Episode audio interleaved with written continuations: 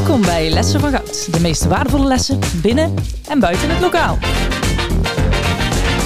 Ja, luisteraar en kijker, welkom weer bij een nieuwe Lessen van Goud. Denk jij wel eens, dit had ik nou eerder willen weten of op school willen leren? Ik ben Rosita en in Lessen van Goud ga ik in gesprek met die gasten die ergens in het leven op hun bek gingen of een les leerden die ze jou ook gunnen. Zo'n waardevolle les die je eigenlijk op school had willen leren. En in deze aflevering een hele mooie les over de mens. De mens achter functies. De mens die je altijd mag zien. En, daarvoor heb ik uitgenodigd Laurent de Vries, Noah en Luna. Iets meer over uh, mijn gasten van vandaag. Ik begin even bij jou, Noah. Uit Hapert, 18 jaar. Je, hebt, uh, je woont nog thuis, je hebt een broer. Je probeert vooral een hele goede vriendin te zijn voor, uh, voor veel fijne mensen. Student maatschappelijke zorg, persoonlijk begeleider, specifieke doelgroepen van Lea 2 op dit moment. Vijf bijbaantjes, daar schrok ik wel van. Dat zijn er veel. En ehm, daarnaast uh, het liefst in de ouderenzorg bezig. En je houdt van zingen, liedjes maken, gitaar spelen. En in het dagelijks leven, als je dan vrije tijd hebt, lekker uitgaan met vriendinnen. Klopt? Ja, zeker. Dat is uh, samenvatting van wie jij bent. En ik heb jouw klasgenoot Luna naast me zitten. Luna, 22, uit Eindhoven. Woont bij opa en oma. Een mams op Curaçao. Dus dat is wel lekker in de vakanties. Jazeker. en je hebt uh, een broer ook, vrije tijd. In die schaarse vrije tijd zeg je, nou dan ga ik het liefst naar mijn vriend toe en dan gaan we bijvoorbeeld Amsterdam in of leuke dingen doen. En je wil vooral in de gehandicaptenzorg gaan werken. Ja, klopt. Daar zit jouw passie en je drive. Ja. En uh, je werkt hier ook met een maatje op school met Tano. Ja. Superleuk om op die manier met, uh, met ook je, je, ja, de medemens bezig te zijn. Ja. De mensen achter de cliënt ook. Hè? Heel mooi. En onze hoofdgast van vandaag, uh, de tegel van Laurent, Laurent de Vries. Ja, ik kan heel veel over jou vertellen, maar het begint allemaal uh, in Erika, waar je geboren bent in Drenthe. Vervolgens uh, ben jij meerdere plekken verhuisd, Arnhem, en je bent nu neergedaald in Eindhoven. Je bent vooral vader, opa, het leukste wat er is. Zeker. Waar ik je met passie over heb horen vertellen. En je studeerde sociaal-economische geschiedenis. Je hebt met name leidinggevende functies gehad. En uh, je bent ook wethouder geweest, las ik op, uh, op de sites. Onder meer directeur bij het Centrum voor Bezinning en Spiritualiteit, bestuurder van GGD Nederland, de oudere organisatie Viertens. Dat was eigenlijk zo'n beetje de laatste, want daarna kwam voorzitter college van bestuur, Summa College. Klopt helemaal. Ja. En um, als ik kijk naar waar jij inspiratie vandaan had, we hadden het er net al even over, is het vooral reizen, waar jij heel erg blij van wordt. De natuur, dus ook regelmatig lekker buiten zijn en goede gesprekken. Zullen we dat vandaag ook gaan doen? Daar gaan we voor vandaag, zeker weten. En vandaag ook de mens achter de functionaris, de mens achter de functies, uh, Laurent. En uh, daar komen we later ook nog op terug, want er komt een uh, prachtig boek ook op de markt, het, waar, waar de verhalen ook in verteld worden. Superleuk dat jullie hier allemaal zijn. Ik begin altijd mijn gasten nog eens beter te leren kennen met een aantal dilemma's en een hamvraag. Nou, en dan heb ik dilemma's een beetje op jullie uh, verhaal hieraan voorafgaand te proberen af te stemmen. En dan is de eerste vraag aan Laurent. Um, als je moet kiezen, een jaar wonen op de Noordpool of in een verpleeghuis? Dan zal het verpleeghuis uh, uh, zijn. Ja. Ik ben dit jaar op Spitsbergen geweest. vlakbij de Noordpool, op 500 kilometer afstand. En um, het was ontzettend saai. Ja. Uh, met hetzelfde uitzicht. Gelukkig heb ik één ijsbeer uh, gezien in die tien uh, dagen. maar dan moet je op een hele grote afstand blijven, want die zijn niet te vertrouwen, die ijsberen. Nee, waar het om mij om gaat is ja, de verbinding, de connectie met mensen. Ja. meer dan met ijsberen. en het verpleeghuis, waar ik ja, kleine zeven jaar heb uh, gewerkt als bestuurder. Daar heb ik zulke mooie gesprekken gevoerd. Ja. Daar heb ik mezelf zo beter leren kennen. Dus dat gun ik iedereen en mezelf ja. dus ook. Daar zou de voorkeur liggen. Mooi. Zeker. Heel mooi. En um, Noah, wat heb je liever? Dat er gesproken wordt over jou als goede begeleider of als goed mens? Um, ik denk goed mens, want als er gesproken wordt over mij als goed mens, denk ik ook dat het automatisch best wel een goede begeleider kan zijn. Ja. ja. Je denkt dat het daar begint? Ja, ik denk het wel, ja. Oké. Okay. Hoe is het begeleiderschap nu? Ja, wel goed. Ik vind het soms wel eh, lastig, omdat je echt in moet leven in andere mensen. Ja. Maar ehm, ja, op zich eh, denk ik wel dat ik ervoor gemaakt ben. Oké, Ja. mooi. Ja, dat, dat dat geloof ik ook. Ik hoor goede verhalen van mijn collega's in ieder geval. Gelukkig. Mooi. Luna, voor jou een, eh, een eh, passie volgen of geld verdienen? Mijn passie volgen. Ondanks dat het weinig oplevert. Ja, Oké, en die passie voor jou is? gehandicaptenzorg. Ja. Ja. Met de mensen werken. Ja. Die, eh, Echt de kwetsbaardere mensen. Ja, Het is een heel mooi beroep. Ja. Ja. En ik hoor ook dat je daar al heel veel eh, mee bezig bent geweest. Ja, superveel. Ja. Ik ben er continu mee bezig eigenlijk. Wat is daar zo mooi aan, aan dat vak? Ehm, ja, heel veel dingen eigenlijk. Ehm, toen ik pas begon met stage lopen bij Lunetzorg, Mhm. toen was ik er een beetje sceptisch over. Ik dacht van, oh, ja, die mensen die kwijlen en Ja. s- er komt niks uit, zeg maar. En als je op het moment dat je daar stage gaat lopen, merk je eigenlijk hoeveel ze kunnen. En Ja.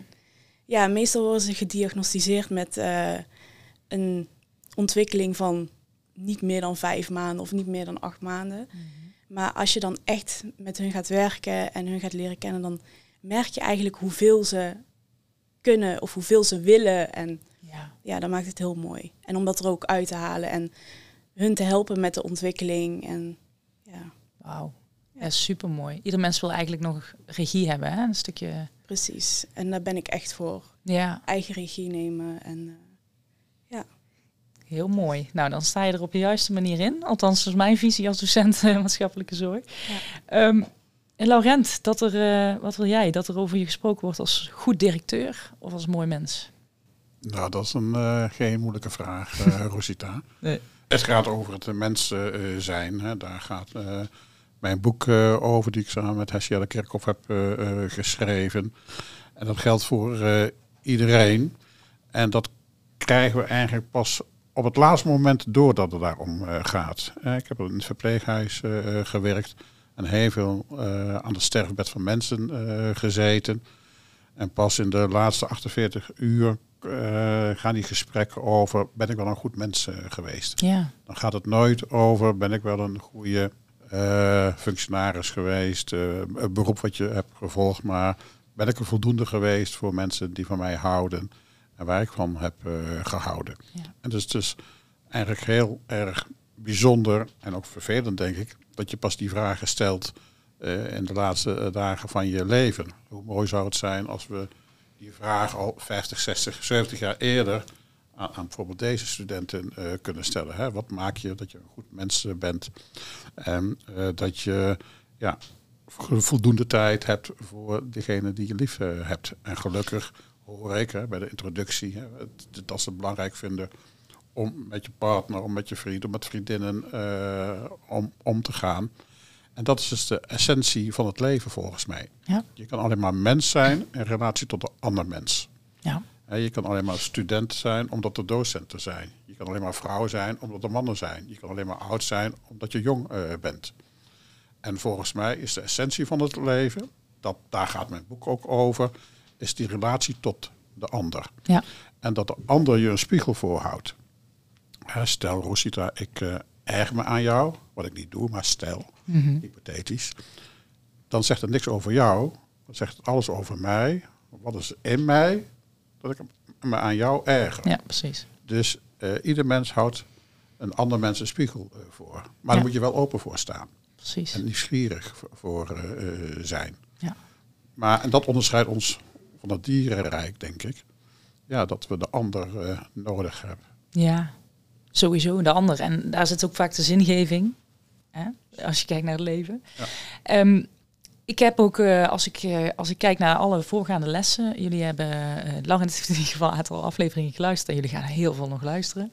Ehm, heb ik ook de hamvraag. Want als we het hebben over de mens, dan is het relationeel werken in het onderwijs natuurlijk ook een hele belangrijke. Dus dat, je, dat we er staan als, als docenten. En dat we natuurlijk hele mooie lessen geven. Maar de vraag is dan, welke lens, les of docent binnen of buiten het lokaal is jou bijgebleven? Ik begin even bij eh, de dames. Wat is voor jullie eh, de les of docent die is bijgebleven? De docent, denk ik zeker, voor ons beiden, Tosca van Erp. Ja, Eh, Ja, omdat eh, als zij les geeft, dan gaat het niet alleen om de stof die we eigenlijk moeten behandelen, maar zij is ook echt mens in haar lessen. Zij, ehm, bijvoorbeeld had ze het over haar vader die toen was eh, overleden en zo. En toen was ze ook echt aan het huilen in de klas. En alles wat zij meemaakt in haar dagelijks leven past zij toe in haar lessen. Mhm. En ja, dat vind ik gewoon heel bijzonder. Dat zij dat Wat levert dat kan. op als, als, als iemand dat op die manier doet? Ehm, Ik denk dat, dat, je, dat je ook dichter bij de stof gaat staan. Zeg maar van, oké, eh, het is niet alleen eh, bepaald volgens het boekje wat je op school krijgt, zeg maar, maar ook gewoon, het gebeurt ook echt in het dagelijks leven. En soms, het is niet erg om de verkeerde keuzes te maken of, ja, Dus ook echt hoe je omgaat met die live events. Dat, eh, dat neemt zij in de lessen mee, begrijp ik. ja. Ik denk ook wel dat je eh, door de manier waarop zij les geeft, jezelf eh, ook al meer open gaat stellen. En eh, ook echt kijkt van, oh, dit ben ik. En dat ook echt op je bijvoorbeeld werk of stage toe kan passen. Gewoon meer jezelf openstellen. En daardoor krijg je ook heel veel van andere mensen terug. Oké, mooi. Dus die relatie die is eigenlijk de essentie. En dan ga je ook luisteren naar de lessen. Ja. Ja, ik kan me ook voorstellen dat het makkelijker maakt om dan naar iemand te luisteren als, er, eh, eh, als je een relatie hebt of als je een gevoel met iemand hebt. ja, je Ja. neemt iemand veel serieuzer. Mooi. Nou, Tosca, ik weet dat je luistert. Bij deze een eh, dikke veer in je reet. Zo zou zij het ook zeggen, denk ik. Denk het ook. Ehm Laurent, voor jou, welke les of docent is jou blijven gebleven? Ehm, ik heb op de middelbare school in Arnhem gezeten, op het Katholiek Gelders Lyceum. En eh docent eh, Nederlands in de tweede eh, klas, die zag me niet als buitenbeentje. Mijn hele leven word ik al gezien als buitenbeentje, dat ik niet in het systeem eh, past. En ehm, nou ja, hij was degene die dat waardeerde. En dat ook zei en eh, in gesprek eh, ging. En dat vond ik heel bijzonder dat je met een docent gewoon een gesprek kon voeren op, op, op, op 14-jarige leeftijd. En dat het niet een persoon is die alleen maar les geeft, eh, maar waar je ook gesprekken mee kan eh, voeren. Dat was eigenlijk voor de Ja. eerste eh, keer. En dat heeft me toen al, hele jonge leeftijd, inzicht gegeven van ja, dat je, je kan je verhouden naar het systeem toe, wat mij niet lukt. Of het systeem kan ondersteunend zijn naar jou toe als mens zijnde. En dat heeft mijn mensbeeld bepaald, maar ook bepaald van hoe ik in het leven sta als eh, eh, bestuurder. Ja, dat het systeem nooit leidend mag zijn, maar de mens. Ja, precies. En deze persoon zag jou als, als mens. Die Ja. zag ook de, de Een, kwaliteit. een van de eerste. hè. Ja. En, eh, terwijl je de jaren daarvoor als buitenbeentje, je past niet in het systeem, dus ja, een beetje aan de kant geschoven. Voor het eerst werd je gezien eigenlijk. Ja, precies. Ja. Ja. Wauw, mooi. Ja. Dat zegt heel veel. En ik denk dat dat soort docenten ehm, het allerbelangrijkste zijn eh, binnen ons beroepveld. Als we die te mogen tegenkomen, zijn dat eh, cadeautjes. Dat is ook eh, een reden waarom ik in het vak ben gegaan, omdat ik daarin hoop verschil te kunnen maken. En ik denk meerdere met mij. Dus ehm, voor alle docenten de oproep, ga lekker op die relatie zitten. Dat helpt. Ehm, nou, we zijn hier om een, eh, om een les eh, op een tegel te zetten, Laurent. En jij krijgt van mij een jingle. En dan mag jij eh, delen welke les jij op die tegel wil. Daar komt ie. Voor de luisteraars en kijkers, dit is de les van Laurent. Mijn baas draagt ook een onderbroek. Hoppakee.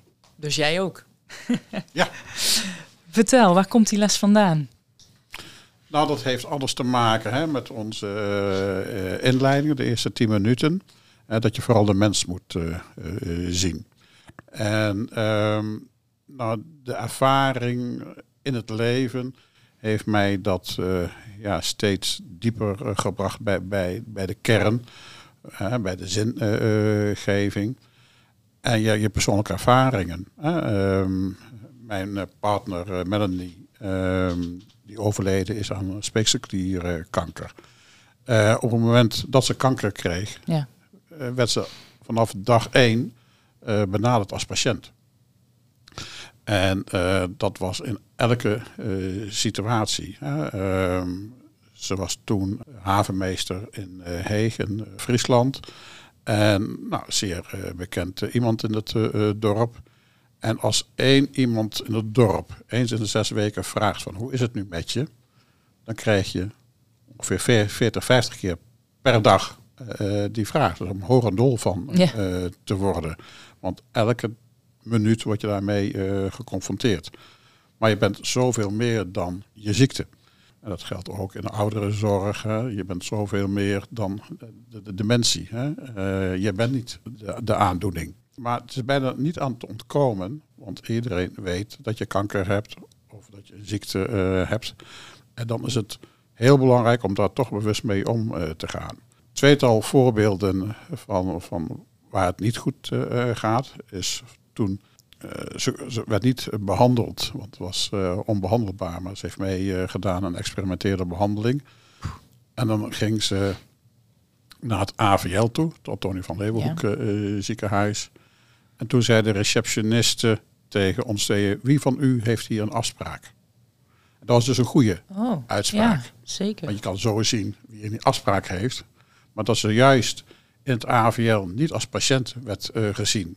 Nou, dat heeft haar heel goed gedaan. En heeft ze een dag mee op, op, uh, op de wolken gelopen. Dus daar is het heel goed gegaan. Maar op het moment dat ze de uitslag kreeg, uh, ja, dat was echt vreselijk. In het, een hokje bij, bij de arts. En de onderzoeken waren zichtbaar op het computerscherm. En de arts keek niet Melanie aan, maar keek naar het computerscherm en zei de uitslagen. En zei in het tussenzinnetje, het is onbehandelbaar. Dus daar kreeg ze dus doodvonnis te horen van een arts die in de computerscherm ja, terwijl hij dus daar kijkt. En, in, plaats van hand vasthouden en je ogen aankijkt. En dat je op jonge leeftijd te horen krijgt dat je dood uh, gaat. Dus daar word je dus niet als mens uh, gezien, maar als een product waar de uitslag op het computerscherm verschijnt. Zo. En, maar hoe het ook kan, hè, weer bij het AVL, toen ze weer een experimentele behandeling kreeg, ze wist overigens dat het niet effect op haar zou hebben, maar dat het voor de wetenschap en voor de toekomstige generatie uh, zou zijn. En dat was een, een experimentele behandeling, uh, even in, in, normale mensentaal. ze kreeg een, een, een, breinaald in de metastase, in de uitzaaiingen. En via magnetrontechniek werd het verhit en verpulverd. Overigens, die interventie, die behandeling is een paar jaar daarna uh, goedgekeurd. Okay. Toen ik dat hoorde op de radio, toen, toen zat ik toevallig in de radio en hoorde dat. Nou ja. Dat kan me voorstellen dat dat ook een hoop. Uh, dat was, uh, dat ja. moest ik wel een traantje wegpinken op dat moment. Ehm, maar ze kwam een keer doodziek terug van zo'n behandeling. En, uh, en toen kwam uh, Kok uh, langs, want op AVL heb je gelukkig nog op elke afdeling een kok. En die kok vroeg aan Melanie van, Mel, waar heb je zin in? En toen zei Mel, nou ik heb zin in een broodje kroket. Zo'n wit fout kadetje met een hete kroket met een klodder mosterd. Nou, en die kok kreeg in de ogen van Melanie. En zei van nou, als jij een broodje kroket wil, dan krijg je een broodje kroket. Ja. En die kok kreeg niet in de protocollen. Want in de protocollen staat eten na deze behandeling, no way. En eten van een vette hap, helemaal uh, uh, uh, niet.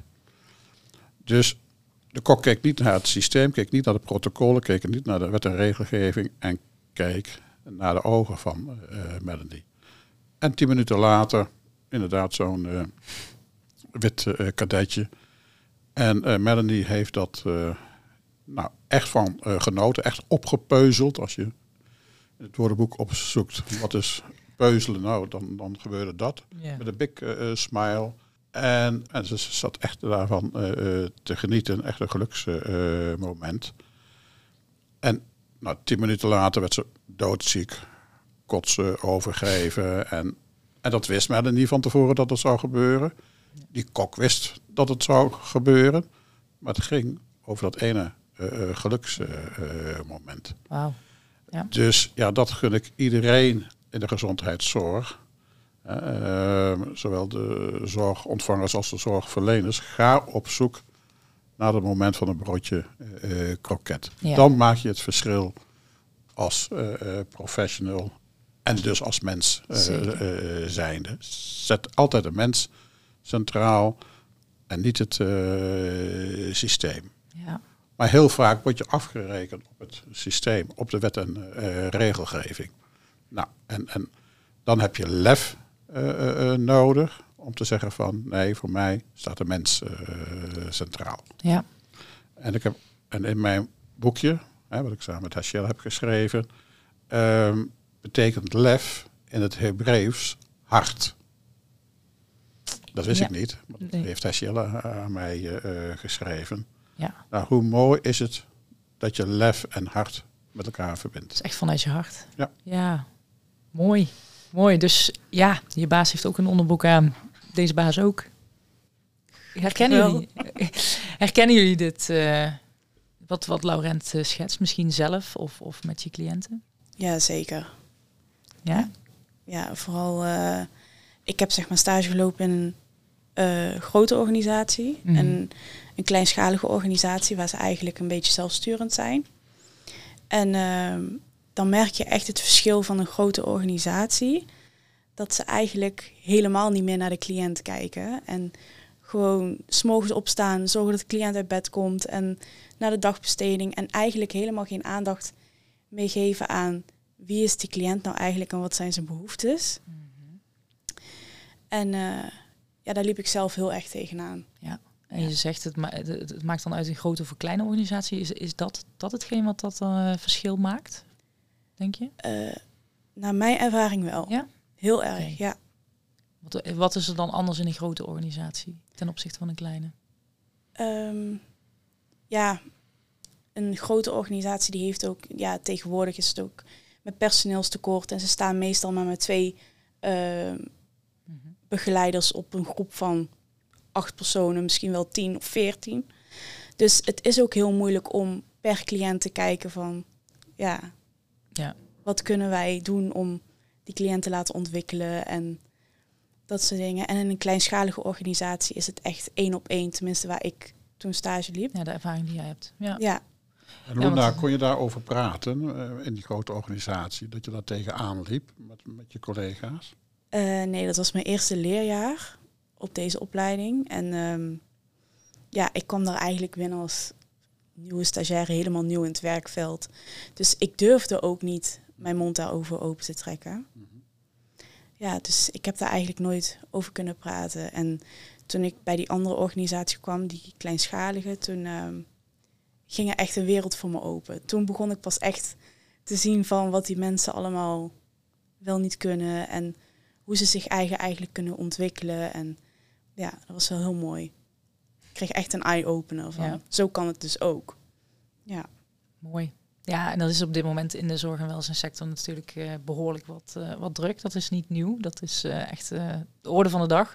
Ik hoor ook heel veel studenten over de werkdruk op de stageplekken. Dus laten we vooral ook mensen inspireren om vanuit hun eigen mensvisie en zorg voor de mensen ook aan te sluiten in dit mooie vak. Voor jou, Noah, herken jij wat er gezegd wordt? Jazeker. Ik ben een keer bij een organisatie geweest, bij mensen met dementie. Het was best wel kleinschalig, maar ik schrok er best wel van. Want um, ze behandelden de mensen echt naar het ziektebeeld toe en niet naar hoe de mensen waren. En um, het kan met iets heel kleins zijn, bijvoorbeeld met de koffie. Ik ging koffie zetten en ik vraag aan de bewoners van, wat lust u graag in uw koffie? En ik hoor mijn begeleider zeggen van, ja, dat hoef je niet te vragen, want dat weten ze toch niet meer.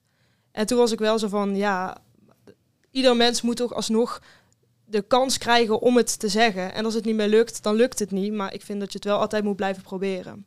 En dat uh, was wel bij meerdere situaties zo. En uh, ja, daar schrok ik best wel van. Ja, dat snap ik. En hoe vlieg je dat nu aan? Hoe, uh, hoe, pak jij het aan in je werk? Ik vraag het gewoon altijd. En ik weet ook wel wie het wel en niet kan. Maar ik vraag het alsnog altijd. En als het niet lukt, dan doe ik het zelf. Maar ik wil het wel altijd gevraagd hebben. Ja, nou, heel goed uh, dat ik dit uh, hoor. En, en mensen met dementie, hun zintuigen, die werken nog volop. Het proeven, het ruiken, eh, en, en andere eh, zintuigen. Dus je kan je daar ook op richten. De geur van eh, koffie eh, bijvoorbeeld. En dat, of kijk, als je thee zet, eh, water kookt, dan kan je elektrische waterkoker aanzetten. of je kan een fluitketel aanzetten. Ja. En na een paar minuten begint het irritant eh, eh, te fluiten. Maar hoe de mens je ook bent, je herkent die fluitketel eh, nog wel. En, en, en ergens in je hoofd denk je van, hé, hey, Ja. de water is klaar.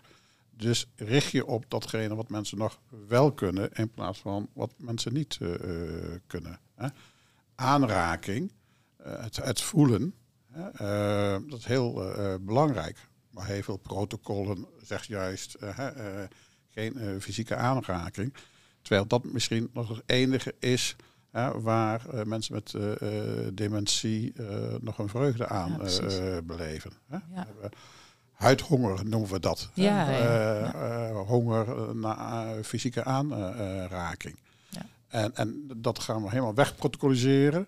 Dat het niet mag. Maar de essentie van de zorg is juist dat menselijk contact. Contact. Ja. En, en, en, nou, en, en ik ben blij dat, dat deze eh, jonge studenten eh, dat voelen ja, en dat zeggen. En, en dat ook de reden is waarom ze de zorg in eh, gaan. precies. Dus, Ja. ehm, Ja, want ik kan me ook voorstellen, hè, want die, die protocollen en richtlijnen die komen ergens vandaan. Uiteindelijk denk ik dat heel veel mensen met die visie en met die, die passie het, het, het veld ingaan, eh, met welk beroep dan ook. En toch zijn er overal die procedures en protocollen. Waarom, waarom zijn ze er, denk je? Jouw opinie, eh, Laurent? nou, op basis van eh, wantrouwen. Mhm. Of op basis eh, van incidenten, dat er keer één incident gebeurt. Maar het woord zegt al, incident gebeurt meestal maar eenmalig. Mhm. En op basis daarvan maakt men een protocol voor alle situaties.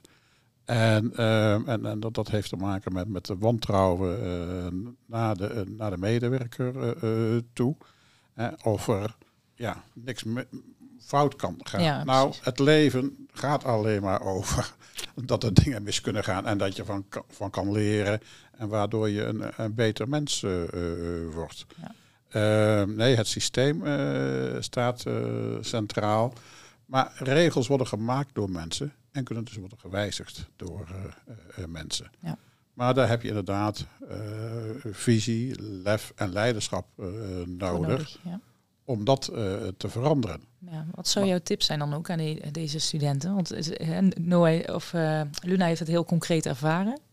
Wat zou je dan zeggen tegen de studenten die dat ervaren? Want om te zeggen op je stageplek van joh, waar zijn we mee bezig? Dit moet niet zo. Die denken ja, snotneus, wat kom jij hier zeggen? Dus, dus waar moeten zij beginnen als, als vanuit jouw rol als bestuurder? Hè? Wat denk je dat Nou, het zin heeft? In ieder geval om heel dicht bij jezelf eh, te blijven. Om te vertrouwen op je intuïtie. Mhm. En jij weet wat goed voelt of wat niet goed voelt. En dat weten je collega's ook. En, en ik weet dat ik het makkelijk praten heb hier achter eh, de tafel, achter de microfoon. Maar wie heeft een probleem als de hele afdeling naar de directeur gaat en zegt we doen het niet meer? Heeft de directeur dan een probleem of hebben jullie een probleem? Mhm. Volgens mij heeft de directeur dan een eh, eh, probleem. Eh, jullie zijn de ruggengraat van een zorgorganisatie. En, maar ga vooral het gesprek aan. En, en probeer elkaar te bemoedigen. Hè? En, en dat je niet gek bent. Ja. En dat je kan eh, vertrouwen op medemenselijkheid. Want uiteindelijk zal dat het verschil maken, die medemenselijkheid. En daar heb ik alle eh, vertrouwen in. Maar dat vergt eh, moed. Ja, En moed is een balans vinden tussen hoofd en hart. Maar uiteindelijk ben jij je eigen meetlat van datgene wat je doet. Ja. Dat je s'avonds je recht in de spiegel kan aankijken. En, en wat jij zegt, uiteindelijk ben je naar een andere organisatie gegaan. Waar kleinschaligheid en menselijkheid wel centraal staat. Dus het is ook heel kortzichtig van die organisaties om ja, zo met protocollen en met systeem Ja. bezig te zijn. Want dat is niet de reden waarom deze beide studenten de zorg zijn in eh, gegaan. Nee, Omdat precies. ze iets hebben met die mensen. Ja. Dat is hun eh, eh, passie en, en drive. Ja. En dat moeten we koesteren. In Precies. plaats van dat de kop in te drukken. Ja, en ik denk dat we vaak wel willen, maar dat het ook wat je zegt, hè, misschien angst voor, voor dingen die kunnen gebeuren, de risico's die gelopen worden, het willen afstemmen allemaal met elkaar, dat het op dezelfde manier gebeurt, dat de efficiëntie, kwaliteit, al dat soort containerbegrippen komen dan voorbij, waarom het bestaat. Het leven Alleen- is niet maakbaar. Ja, het heeft ook met het paradigma, het, het, het, het, principe te maken van of het leven maakbaar eh, is. En, eh, ik werk nu dus nu drie jaar in het MBO. En wat me echt opvalt in deze sector is hoeveel er wat is vastgelegd in wet en regelgeving. Ja. Echt absurd eh, veel. En dat, eh, dat hoeft niet. Want jij als eh, docent, jij moet het doen met de studenten in die relatie. Ja. En je hebt alleen maar last als er drie cijfers achter de komma wordt gezegd eh, wat je zou moeten eh, doen. En hoe Dan- je het moet doen. en hoe je het moet doen. Ja, Ja, dan ja. ga je toch gillend de- de klaslokaal uit. Zeker. Ja, en dat hoor je ook hè, bij, de, bij de docenten die bijblijven of de lessen die daadwerkelijk bijblijven voor de meeste studenten. En dat hoor je in iedere les van Goud terug. Echt 9 van de 10, die noemen niet de les, maar de docent. Dus uiteindelijk, eh, weet je, als die docent de ruimte krijgt te zijn wie die is en hoe die in relatie wil zijn tot die student, dan is het ook van mens tot mens gewoon eh, ja. leren. Maar, En maar, we kunnen maar- van elkaar leren. Hè? Dat is ook. eh, maar over die maakbaarheid gedacht. Hè. Den Haag denkt echt op die vierkante kilometer, hè, wat wij hier beslissen, mhm. dat gaat morgen, gaat heel Nederland doen. Dat, dat, dat denken is echt aanwezig. Ze, ze- denken echt, wij bepalen de kwaliteit van het onderwijs. En, en dat vind ik nog het meest verontrustende. Dat men echt gelooft in de maakbaarheid van het eh, systeem. Ja. In plaats van alle vertrouwen geven aan de docent die het goede eh, doen. Hè, deze twee eh, studenten, die doen het goede. En, en geef dat vertrouwen, mee. en, en doe een stapje terug. Ja. En dan praten we ook minder over arbeidstekorten als we Precies. die ruimte aan de professional geven. Ja, vind ik ook wel een mooie. Het, vertrouwen, maar ook het vertrouwen in je cliënten, in, in de mensen waarmee je werkt. Gewoon heb het vertrouwen en zie eh, de mens achter het verhaal. Iedereen heeft een onderbroek aan, tenslotte. Zeker. Heel mooi. Ik denk dat we hem daar, eh, daar ook mee kunnen, kunnen afronden. En dat rest mij ook om te zeggen, Laurent, dat jij een heel mooi, eh, eh, inderdaad een boek eh, hebt samengesteld. En ehm, met dezelfde titel. Je baas draagt ook een onderbroek. Te verkrijgen bij www.managementboek.nl. Kijk, en een stukje reclame voor, voor dat boek. Dus voor iedereen die die gedachtenwisseling en ook die uitwisseling tussen jou en Hischelle Hesjelle. Hesjelle, eh, wil, eh, wil lezen en horen. En daar nog eens eh, lekker op een filosofische en sparrende manier mee bezig wil zijn, kan het boek Het is meer een filosofisch boek dan een Ja. managementboek. van mens tot mens. Zo is dat. Super mooi. Dus ehm, ja, voor deze, we gaan de, we gaan de tegel op de Instagram pagina zetten. We gaan hem nog een keertje noemen. Want die tegel is Mijn baas draagt ook een onderbroek. Zo, die komt op Instagram en op Facebook. Je kunt ook onder de YouTube-video, dus de podcast, eh, kun je jouw reactie achterlaten. Wat zouden jullie willen weten, eh, dames van de, de luisteraars of de kijkers, als ze dit hebben gehoord? Hoe kijken jullie er tegenaan? Oké, ja, wat is jullie beeld op eh, hoe we om moeten gaan met elkaar? Ja. Ja. Oké, mooi. Jij nog iets concreets terug van de luisteraar willen horen, Laurent? Nou, probeer echt iets van te maken van het eh, leven. En volg je passie, volg je intuïtie. En ehm, wees jezelf. Met lef vanuit het hart. Precies. bij deze. We gaan hem op die tegel zetten op Instagram. En ik eh, hoop jullie eh, reacties terug te horen. Dat vinden wij leuk om te horen wat je ervan vond. En ehm, ja, je kunt ons altijd volgen. Even klikken op die eh, Spotify-button of op eh, het abonneren bij YouTube-kanaal. En dan eh, tref ik jullie heel graag bij de volgende Les van Goud als die sirene klinkt. Tot dan. Dank jullie wel.